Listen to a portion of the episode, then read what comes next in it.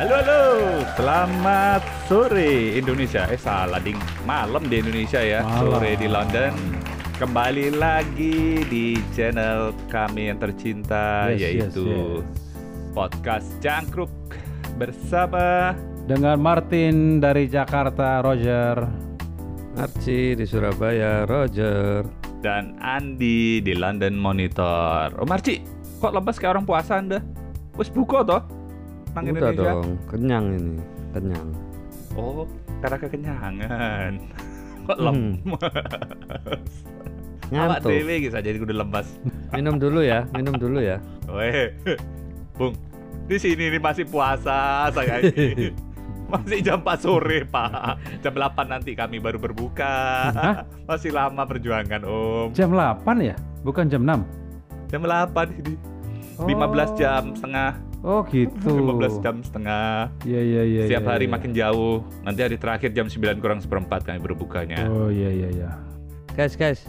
Sik bentar aku ada kiriman ya, bentar ya. Loh, loh, loh, kiriman apa Ki? Oh, cabut Oh. gawe deh. Pengusaha sampai malam-malam jam. 9. Luar biasa. Ya, Boh. Ramadan kali ini gimana di Indonesia Raya? Ramadan hari ini eh tadi barusan aja ada anak-anak yang petasan seperti biasa. Oh, normal itu. Normal ya, normal. Di Oke. sini, di London nggak ada. Di London Normal. nggak ada. Nggak ada, Pak. Ditangkap. Kecuali Sangat tahun baru. ada tembak menembak gitu dia kan. eh iya, untuk London ini ya bela sungkawa ya. Pangeran Philip meninggal ya. Oh iya, nggak apa-apa. Sungkawa lah kita ya. Pangeran Iya. Philip itu yang mana? Suaminya Ratu Elizabeth. Charles aku tahu. Ah, ca ya Pangeran Philip itu bapaknya, bapak kandung loh ya. Kok Kenapa? Kok kok kenapa? Eh, Tutulan apa? Awak mau payu kok, apa kok namanya Apa? pangeran gitu? Awak mau Loh, Siji takut barang Iya apa kan? iki sing iki? tadi tadi mau tanya loh kok apa? Sangat profesional sekali kita ini. Loh, aku tanya Ci. Itu suaminya Ratu Elizabeth.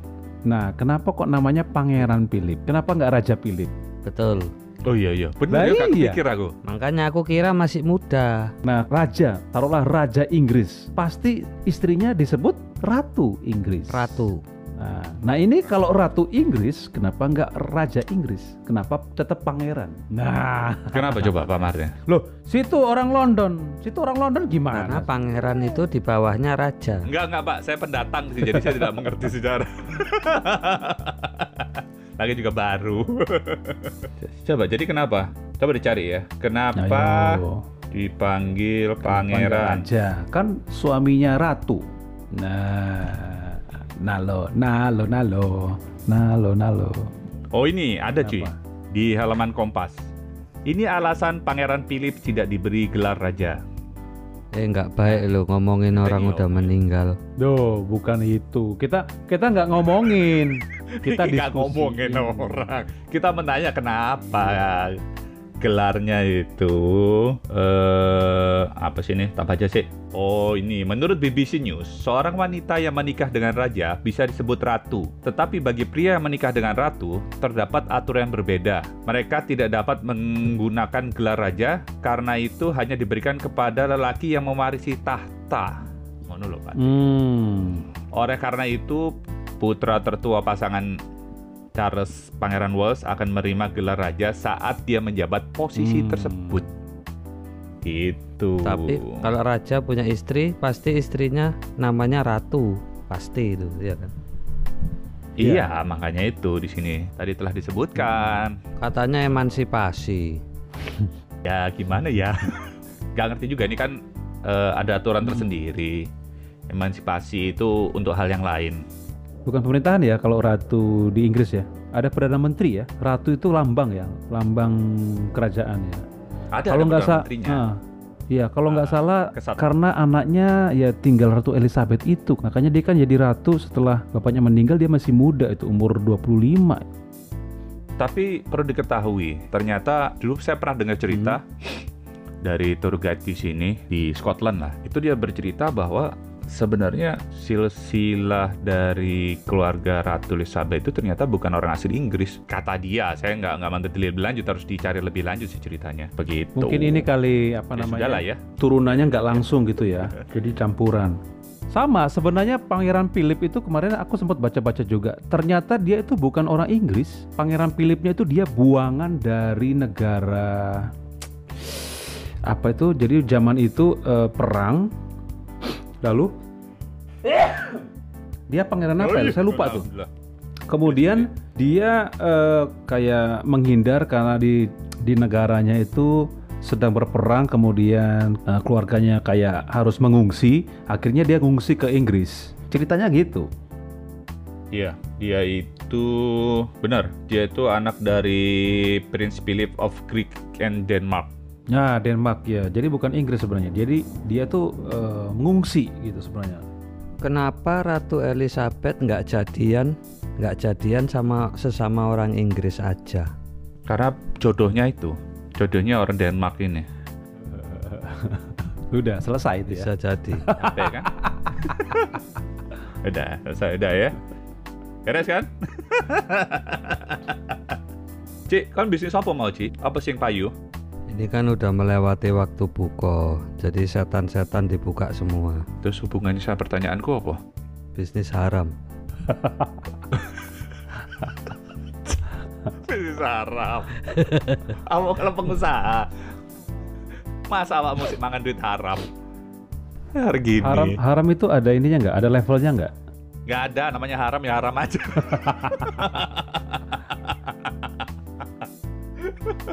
Enak aja bikin bikin klarifikasi, bikin apa? Bikin serata sendiri.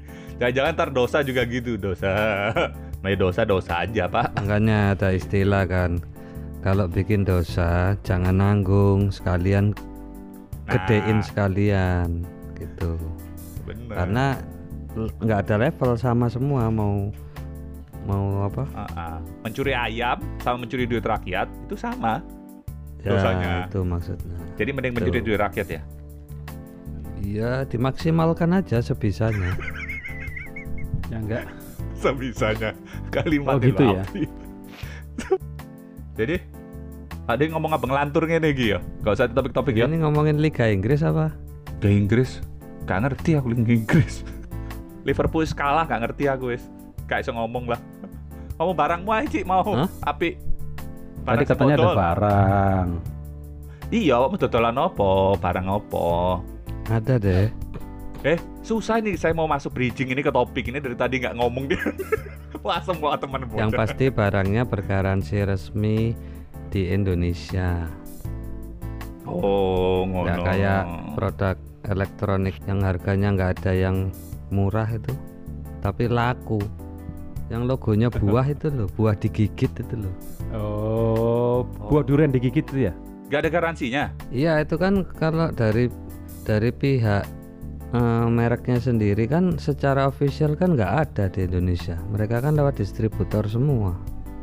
Serius eh? Nggak Masa nggak ada. ada sih? Coba cek. Singapura paling dekat. Dealer resmi lo ya. Maksudnya garansinya tuh gini. Jadi gak ada garansi servis. Jadi kalau rusak, kalau rusak diganti baru.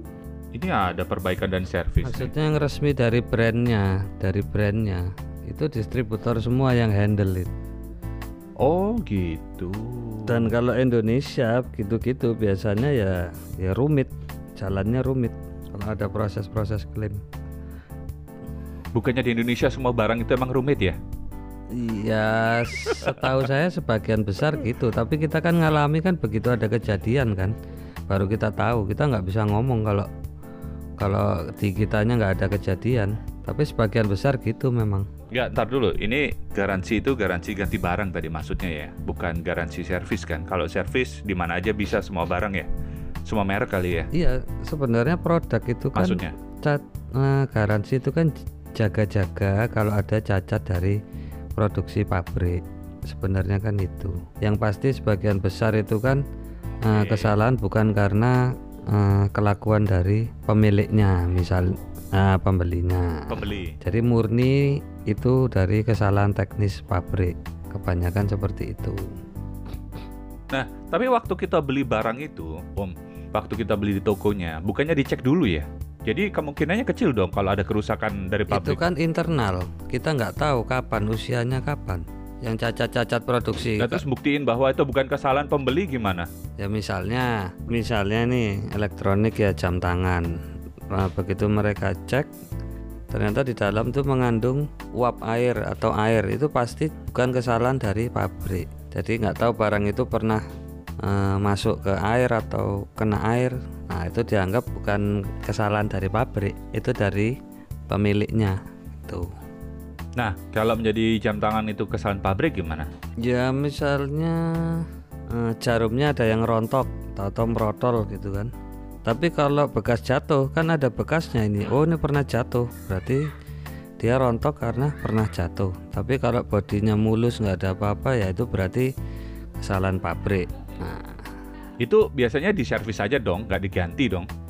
Nggak mungkin diganti. ya selama Kalau oh di Indonesia iya, ya. selama bisa diservis kan diservis. Tapi kalau mentok nggak bisa mereka pasti ganti baru.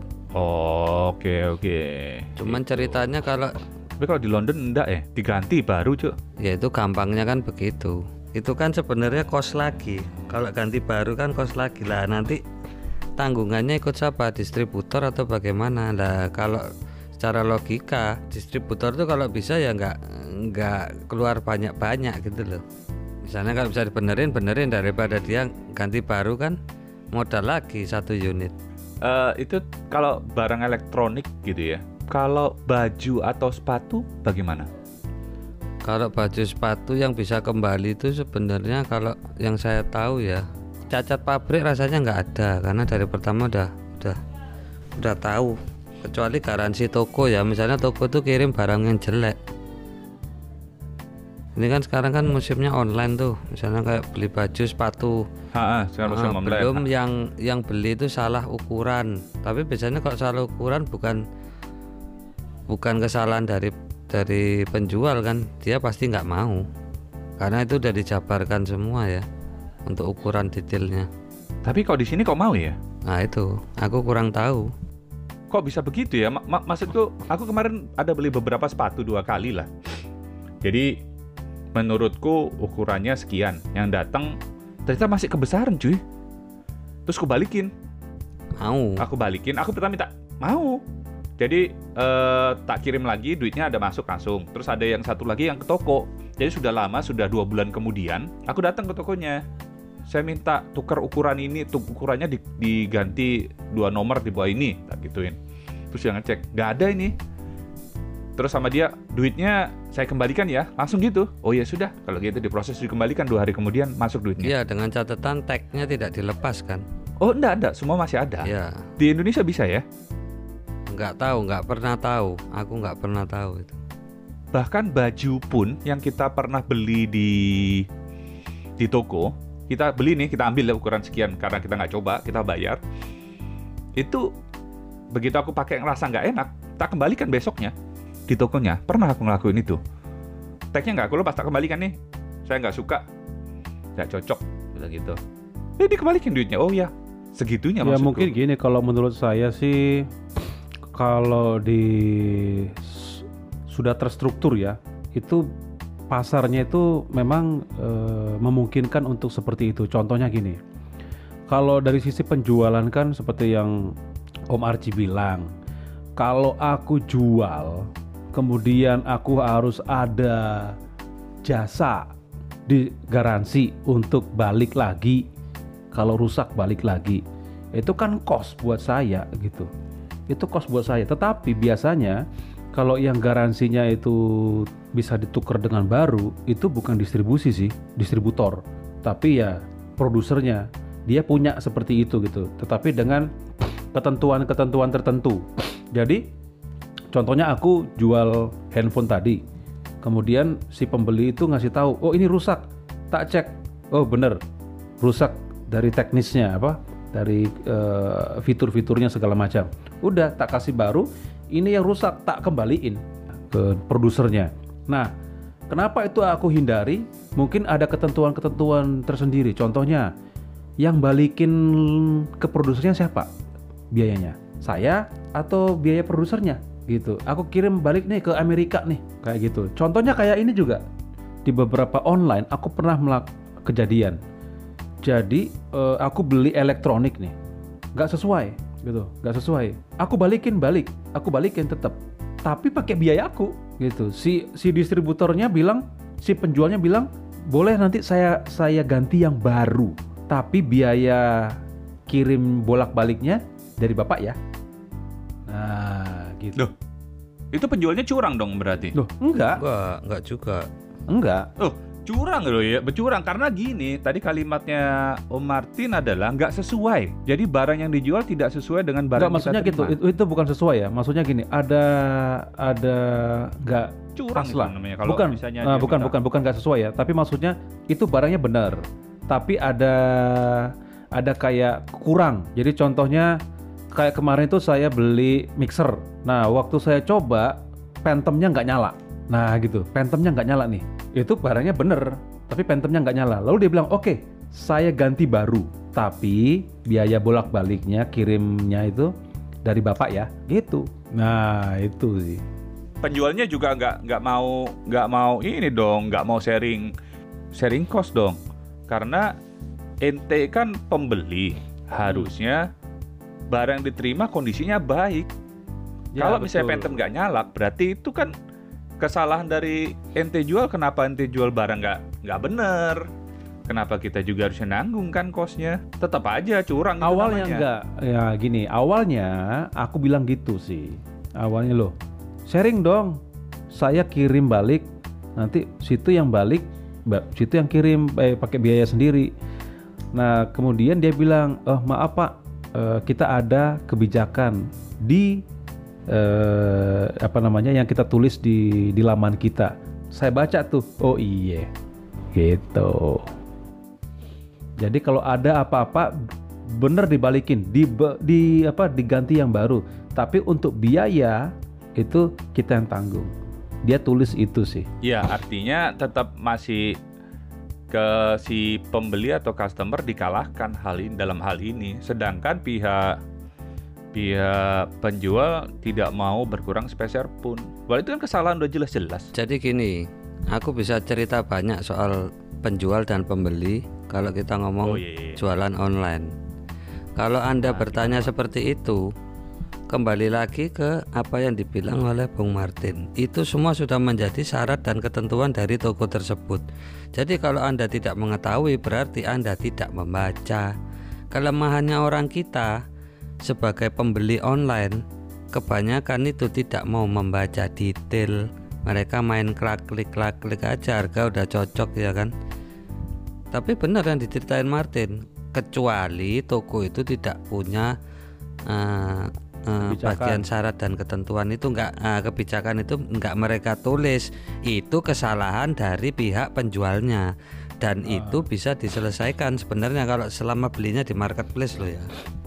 Karena gini, ya marketplace yang warna hijau atau yang warna merah ya atau orange pun. Nah, itu ada namanya ya sebenarnya diskusi. Jadi kalau kita ada komplain barang, kita bisa ceritakan sedetil-detilnya di situ. Kita bisa menyampaikan screenshot segala macam. Jadi misalnya dia memang tulis ada, kalau dia nggak tulis juga kita kasih screenshot. Bahkan ada beberapa gini. Contohnya kemarin, ya contohnya kemarin baru aja ini saya beli eh, drawing pad buat anak saya. Di situ saya baca dan kemudian di kirimannya dia ada dia tulis di situ. Tolong ketika proses buka divideokan sehingga ketika ada komplain lebih mudah untuk komplain. Nah itu ditulis tuh di kotaknya tuh di kotak bungkusannya. Karena bisa aja waktu proses buka itu kita kan buru-buru, eh nggak sengaja kesobek tuh. Padahal kita yang sobek. Lalu kita klaim, eh ini kok sobek sih?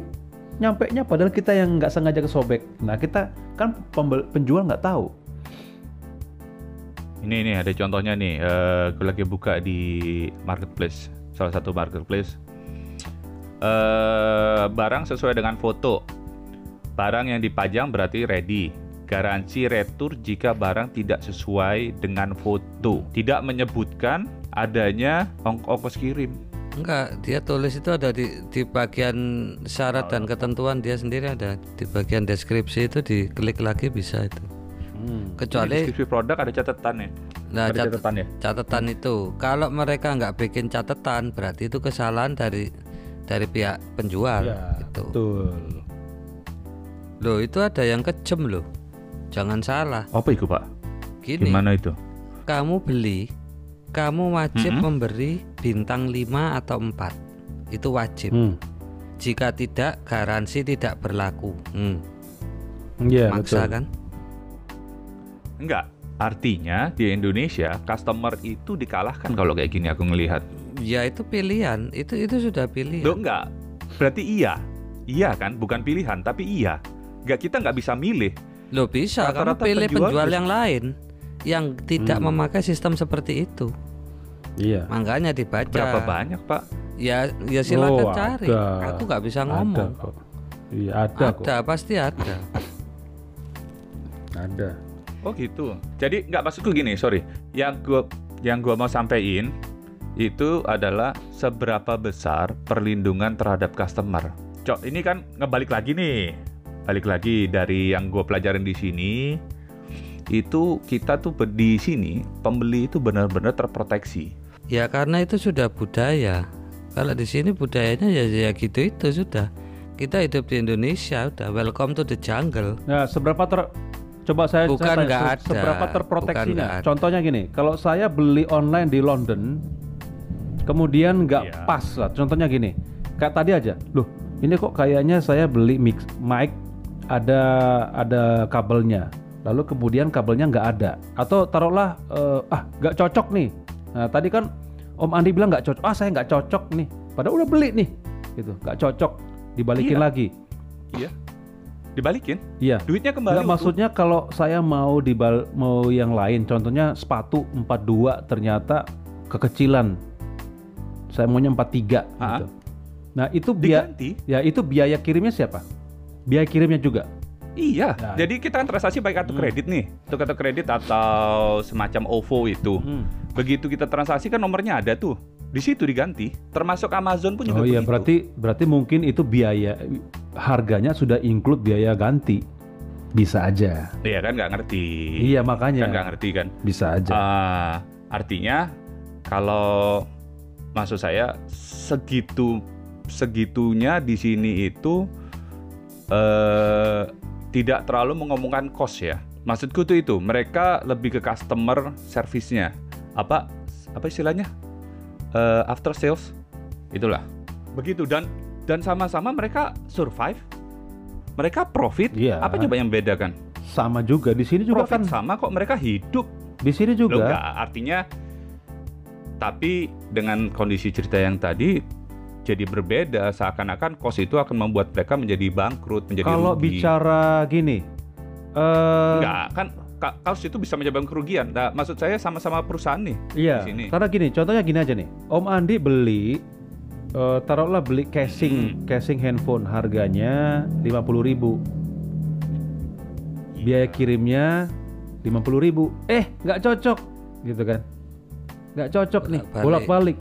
Saya jual 50.000 loh. Ditanggung penjual. Ditanggung penjual. Ah, gimana coba Om Andi? Kalau secara matematikanya iya, saya nggak akan bisa jawab ya pasti akan rugi. Tapi ini sama nih kondisinya nih, sama-sama di sini perlakunya, sama di sini mah menanggung ongkosnya segala macam. Di Indonesia tidak menanggung alasan kos. Enggak, Apa yang enggak. membedakan? Enggak, enggak semua. Jadi jangan jangan disamakan, jangan disamakan. Enggak semua penjual seperti Jadi itu. gini Om Andi, eh, kalau umpamanya kalau umpamanya mau beli, pasti saya jamin di London sama yang di sini juga sama. Sebelum beli, Baca dulu ketentuannya. perhatikan spek baik-baik. Betul. Setuju kalau itu. Nah, bahkan sepatu, bahkan sepatu itu bukan hanya ang yang saya tahu bukan hanya nomor loh ya, tapi ukuran. Dia kasih tahu biasanya. Ukuran eh, ukuran sepatu di kita nomor 43 itu antara sekian sentimeter sampai sekian sentimeter. Ukur dulu kaki Anda. Kalau di sini nggak gitu, pakai pakai merek biasanya. Biasanya eh, kalau eh, Anda biasanya pakai sepatu apa gitu, misalnya brand A gitu ya. Kita beli brand A, nanti ditanya di dalam ukurannya untuk ukurannya eh, bisa ukuran itu terus sama ini kebiasaan Anda memakai sepatu ukuran apa, misalnya merek C. Nah itu ada ada ininya, ada ada kelompoknya. Ya betul. Kalau di sini bahkan lebih banyak, lebih lebih detail lagi justru Om Andi. Ukur dulu eh, kaki kalian. Disuruh ukur. Nah kemudian ada ukurannya nih. Di nomor kita 43 itu sekian sampai sekian. Karena bisa aja 43-nya merek ini sama 43-nya merek itu beda kan. Nah sama dia di 43-nya Betul, kita setiap merek ya beda. eh, segini loh ukurannya, gitu ukuran kakinya, gitu. Jadi jadi sama sama aja, hampir sama aja. Hanya saja kalau saya bilang gini Om Andi, seberapa perlindungan terhadap terhadap eh, konsumen eh, Customer. customer Hmm, ya, konsumen. itu gini. eh, kalau yang kecil-kecil kayak gitu, saya pikir sama. Tetapi kalau sudah masuk ranah hukum, saya akui luar negeri lebih top ranah hukum ya. Contoh, contoh aja, McDonald di Amerika, eh, sorry ya, saya sebut aja karena ini emang udah masuk ranah hukum. Pernah kejadian, nenek-nenek beli kopi panas. Nenek-nenek Hmm. nih beli kopi panas. Dia minum tumpah sendiri. Salah siapa coba? Salah neneknya kan? Gitu. Sampai Iya. sampai di paha eh, sampai kena pahanya melepuh. Ya melepuhnya nggak melepuh beneran Iya. sih, tapi maksudnya lumayan masuk rumah sakit. Merah-merah Iya. gitulah ya. Dituntut, McD-nya dituntut. Loh, secara logika yang numpah-numpah sendiri, tahu nggak? Hakim memenangkan neneknya. Dasar memenangkannya apa? Nah itu pinter-pinternya eh, ininya kan, pengacaranya kan, Pengacara. bener nggak? Nah, Ah, ah. dilihat pasti kalau pengacara kan dilihat juga kan, mana nih yang salah-salahnya? Ternyata tidak ada tulisan kopi itu panas. Di gelasnya itu. Akhirnya, akhirnya di Amerika setelah kejadian itu ada tulisan hot coffee. Oh, itu anunya sejarah. Iya, hot Kopi sama coffee. Nah, udah baca kan itu kopi panas. Jadi kalau kalau tumpah lagi gitu, ya itu kopi panas, Bro. Gitu. Kirain hanya untuk membedakan ada sekarang kan kopi yang dingin juga kan soalnya. Ada ice coffee. Untuk membedakan kopi dan ice coffee. Lalu yang kedua nih, Om Andi. iya. Di Australia pernah kejadian orang lari pagi di Taman Nasional. Ya kalau di Jakarta Taman Nasionalnya di Monas lah. Monas itu hmm. kan yang yang menata itu, yang memanage itu kan Pemkot kan.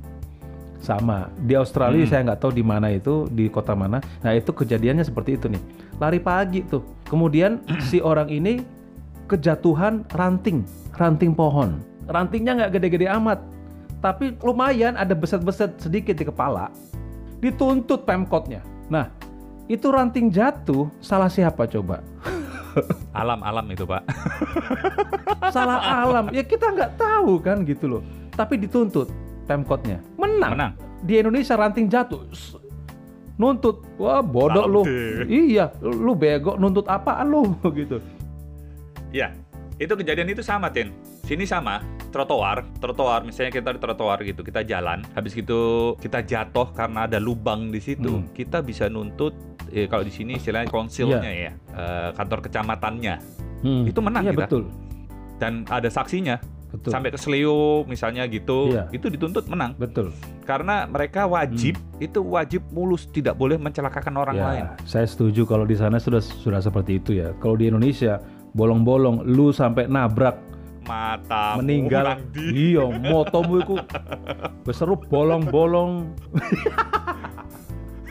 enggak ya, enggak ya. Enggak, tapi Tetap balik lagi ke, ta- tercinta. ke tada produk berarti iya, kembali ke produk masalah produk itu tadi. Berarti eh, yang menyebabkan budaya ya sebenarnya ya. Kalau aku bilang bukan budaya, selama belum ada aturannya, pebisnis kan gitu bro. Yang penting kan harus cut cost, biaya tuh harus murah, ya enggak? Pernah tahu ada yang ada yang mereknya Nokia? Pernah tahu nggak merek Nokia? yang sekarang, yang sekarang udah gak ada. Duh, itu aku, Ada lah. itu aku bilang itu jempol loh, itu jempol. Karena apa? Gimana tuh jempolnya? Dulu dia garansi sampai garansi eh, spare part, betul. Sampai garansi spare part dulu. Jadi kalau umpamanya merek lain ada spare part yang rusak, ganti baru, betul nggak? Nah kalau dia Hmm. Oh spare partnya rusak, diganti spare partnya karena ada service centernya dulu. Ya itu bagus itu. Saya masih ingat. Nah, tapi tutup ya. betul bagus. Tapi kalau dari sisi bisnis itu biaya gede banget. Tapi dia nggak bangkrut kan? Eh, Sales bilang nggak bangkrut? Dia, eh, dia bangkrutnya bukan karena bukan karena servisnya, karena dia tidak ngikutin zaman. Yang kita tahu kan itu. Zaman sudah berubah ke Android, dia tidak ngikutin sama kayak BBM. Nah, gini, itu ada ceritanya juga. Itu bukan karena itu eh, bukan eh, karena itu aja. Ketika dia harus ganti menjadi sistemnya Android, Android. bukan Android lah ya, eh, touchscreen, taruhlah gitu ya, smartphone, berarti kan dia kan harus mentraining semua service center yang ada di Indonesia. Yang kedua, dia harus menyediakan spare part, betul nggak? Nah, Iya. Karena konsep awalnya itu kan. Iya, tadi. setiap distributor harus menyediakan spare partnya. Berarti distributor bukan hanya beli, bukan hanya beli unit, beli spare part juga. Ketika itu dilakukan, ya harus semua total. Lah kalau nggak semua ngelakukan gimana?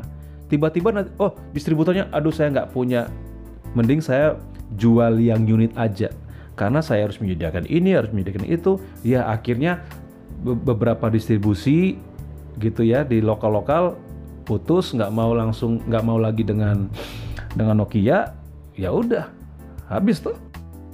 Hmm, bukan hanya karena softwarenya iya ya. kan supply chains-nya juga ah, mereka kan harus harus ini nyediain. Contohnya Om Archie aja. Coba kalau nyediain servis pikir-pikir pasti.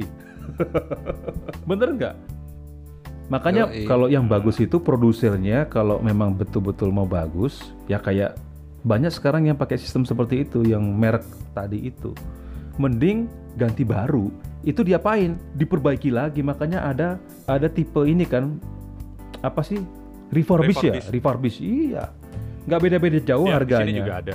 nggak beda-beda jauh harganya Hmm. iya toh? Banyak yang jual itu bahkan harganya lebih murah 40% di sini kan. Oh iya kalau di sini masih agak lumayan lah beda sa- cuman be Jauh. cuman beda ju- 2 jutaan masih mahal juga orang mending beli yang baru Iya, peti ya.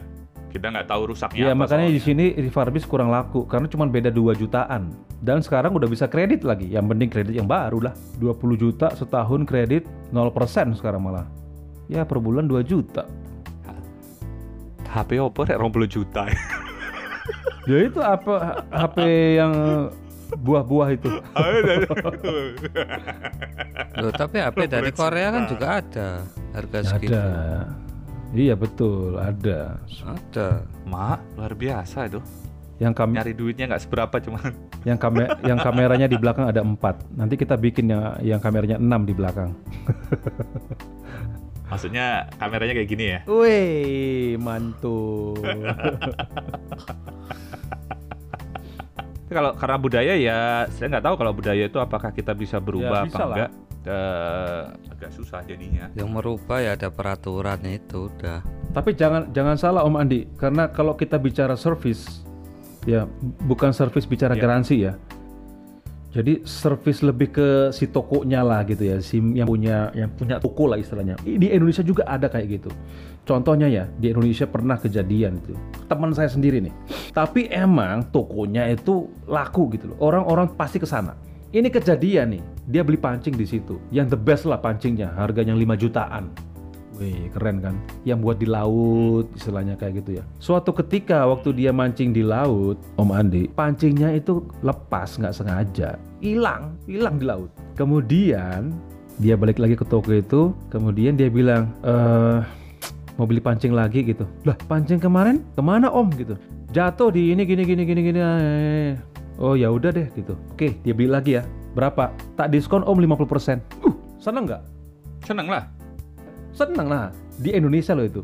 Nah, gitu. Jadi jadi dari tokonya loh ya, bukan dari produsernya. Gitu. Nah, itu kenapa itu? Kok bisa begitu? Ya sekarang Mas? gini, pertama saya rasa dia diskon 50% pun itu dia nggak rugi. Mungkin masih ada lah untung dikit, tapi Jadi harganya itu sebenarnya sudah lepas tuh dari beli ya. bisa sudah aja, bisa aja. Kita nggak nggak tahu. Heading 50% atau lebih ya. atau gini, Iya. atau gini, nggak apa-apa deh. Nggak apa-apa deh saya rugi 10%, tapi Bapak ini seneng, ya nggak? Karena teori teori marketing, Bro. orang loyal bro, ngomongnya positif ke mana-mana bro. Gitu. Nah, Satu orang loyal, bi- Itu. satu orang loyal bisa bawa 10 orang. Gitu. setuju kalau itu. Loh, jangan salah bro. Saya pernah juga di Jogja itu pernah ibu-ibu apa angkringan, angkringan nih. Saya cepet habis. Si ibunya bilang gini, loh mas, cepet cepet banget habisnya. Iya. Ini ini nasinya lagi. Oh nggak usah. "Oh, nggak apa-apa ini udah nggak apa-apa ini nggak usah ini gratis dari saya. Gitu. ada gitu di Indonesia ada lah. Hanya saja belum eh, artinya secara ters Belum rata ya. Belum rata belum, lah. Belum jadi mayoritas. belum tapi ada belum jadi mayoritas. Ya, sebenarnya bukan mau membandingkan apa yang terjadi di sini sama di Indonesia, cuman yang jadi pertanyaan eh, ketika saya berbelanja di sini, kenapa tidak bisa terjadi di Indonesia? Itu namanya perbandingan, Pak. Oh iya, iya, iya. Benar juga. kenapa kok tidak bisa Indonesia? eh, karena saya mungkin belum jadi pebisnisnya ya. Saya masih jadi pembeli, masih jadi pembeli. Mudah-mudahan bisa jadi pebisnisnya. Kenapa kok tidak bisa customer pembeli atau konsumen ini diperlakukan sama? Kos yang keluar konsepnya sama. Maksud saya begitu loh. Itu aja. Kenapa yang yang menjadi pertanyaan saya kenapa kok apa yang jadi menghalangi Indonesia untuk seperti itu gitu. Tapi kalau memang yang masih kita lihat eh, aturan masih belum belum bisa mayoritas atau mendukung yang lainnya ya atau bisa menyebabkan kerugian yang cukup besar. Nah, saya nggak tahu lagi ngelihatnya dari sudut pandang mana. Iya. Cuman saya merasakan sebagai pembeli atau konsumen di sini itu yang tidak pernah dirasakan di Indonesia ya. Bahkan di Indonesia bayar kembalian pun pakai permen gitu yang di sini tidak pernah terjadi gitu.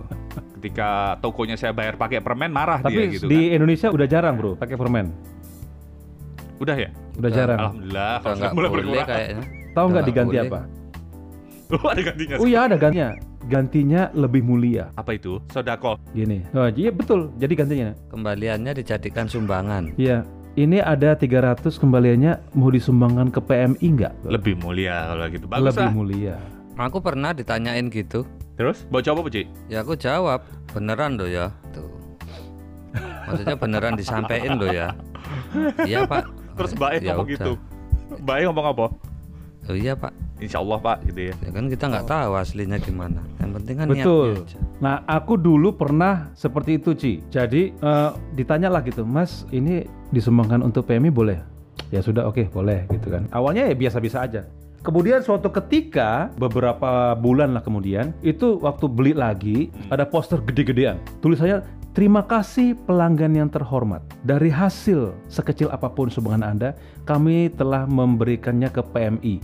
Ada gambar CEO-nya salaman sama Yusuf Kala, direkturnya pimpinannya PMI kan Yusuf Kala. Ada tulisan RP 4 miliar sekian sekian. Seluruh Indonesia Iya, aku luar lihat itu biasa. ih, di 4 miliar itu ada 100 rupiah yang pernah aku sumbangkan. Nah, situ membuat aku, wih keren ini. Akhirnya jadi loyal aku terhadap ya Mart inilah. Padahal yang dapat nama ya Mart Iya, itu. Tapi betul, Ya. tapi setidaknya kan sebagai konsumen, wih bener ini. Tenang, Om Arci. Di mata Allah kita dapat pahala Tadi kok. itu ya, yang Om Archie bilang, bener loh ya. Ya, begitulah. Udah hampir sejam kurang lebih. Mudah-mudahan eh, para pembeli atau konsumen dapat terlindungi di mana pun kita berada dan para penjual atau distributor bisa mendapat keuntungan sebanyak-banyaknya. Jadi win-win solution. Ya. Entah gimana yang namanya caranya itu. penjual baik ada, yang namanya penjual jahat ada juga. Ya kan? Yang Banyak. Ya, itu disebabkan karena manusia. Selalu ada dua kan. Di mana pun kita berada, manusia selalu ada dua. Ada manusia baik dan manusia jahat. Tapi kadang muncul manusia satu, abu-abu. Kadang dia baik, kadang dia jahat. itu masih mending kalau jahat terus gimana kan gitu. Eh, per- ini ngobrol-ngobrol kayak gitu kejadian loh. Itu ada mahasiswa saya, alumni mahasiswa saya, pernah cerita ke saya, dibohongin sama orang China. Jadi dia beli sepatu tuh. Sepatunya waktu dia cek ya, dia kan ambil dulu kan 10 gitu kan tes pasar gitu. Uh, sepatunya bagus di tes pasar. Ih, bagus nih tanggapannya. Udah, dia beli dua kontainer. Oh aku tahu ceritanya itu. Dua kontainer nih. Tahu nggak Om Andi? Isinya Ah, apa? apa Betul itu? sepatu, tapi isinya cuma sebelah kiri doang. Hah? Iya, dia tanya, loh Saya kan pesan 10.000 pieces. Iya, tapi kamu nggak kasih tahu satu pasang atau enggak. Ah goblok, serius. ini cerita serius sama bercandaan, humor. Ye, serius ini, serius. Eh? Itu dikerjain. Produknya bagus, tapi dikerjain, Bro. Akhirnya terpaksa dia beli sebelah kanannya lagi, Bro. Allahu Akbar. Kalau cuma sebelah kiri mana bisa dia jual kan?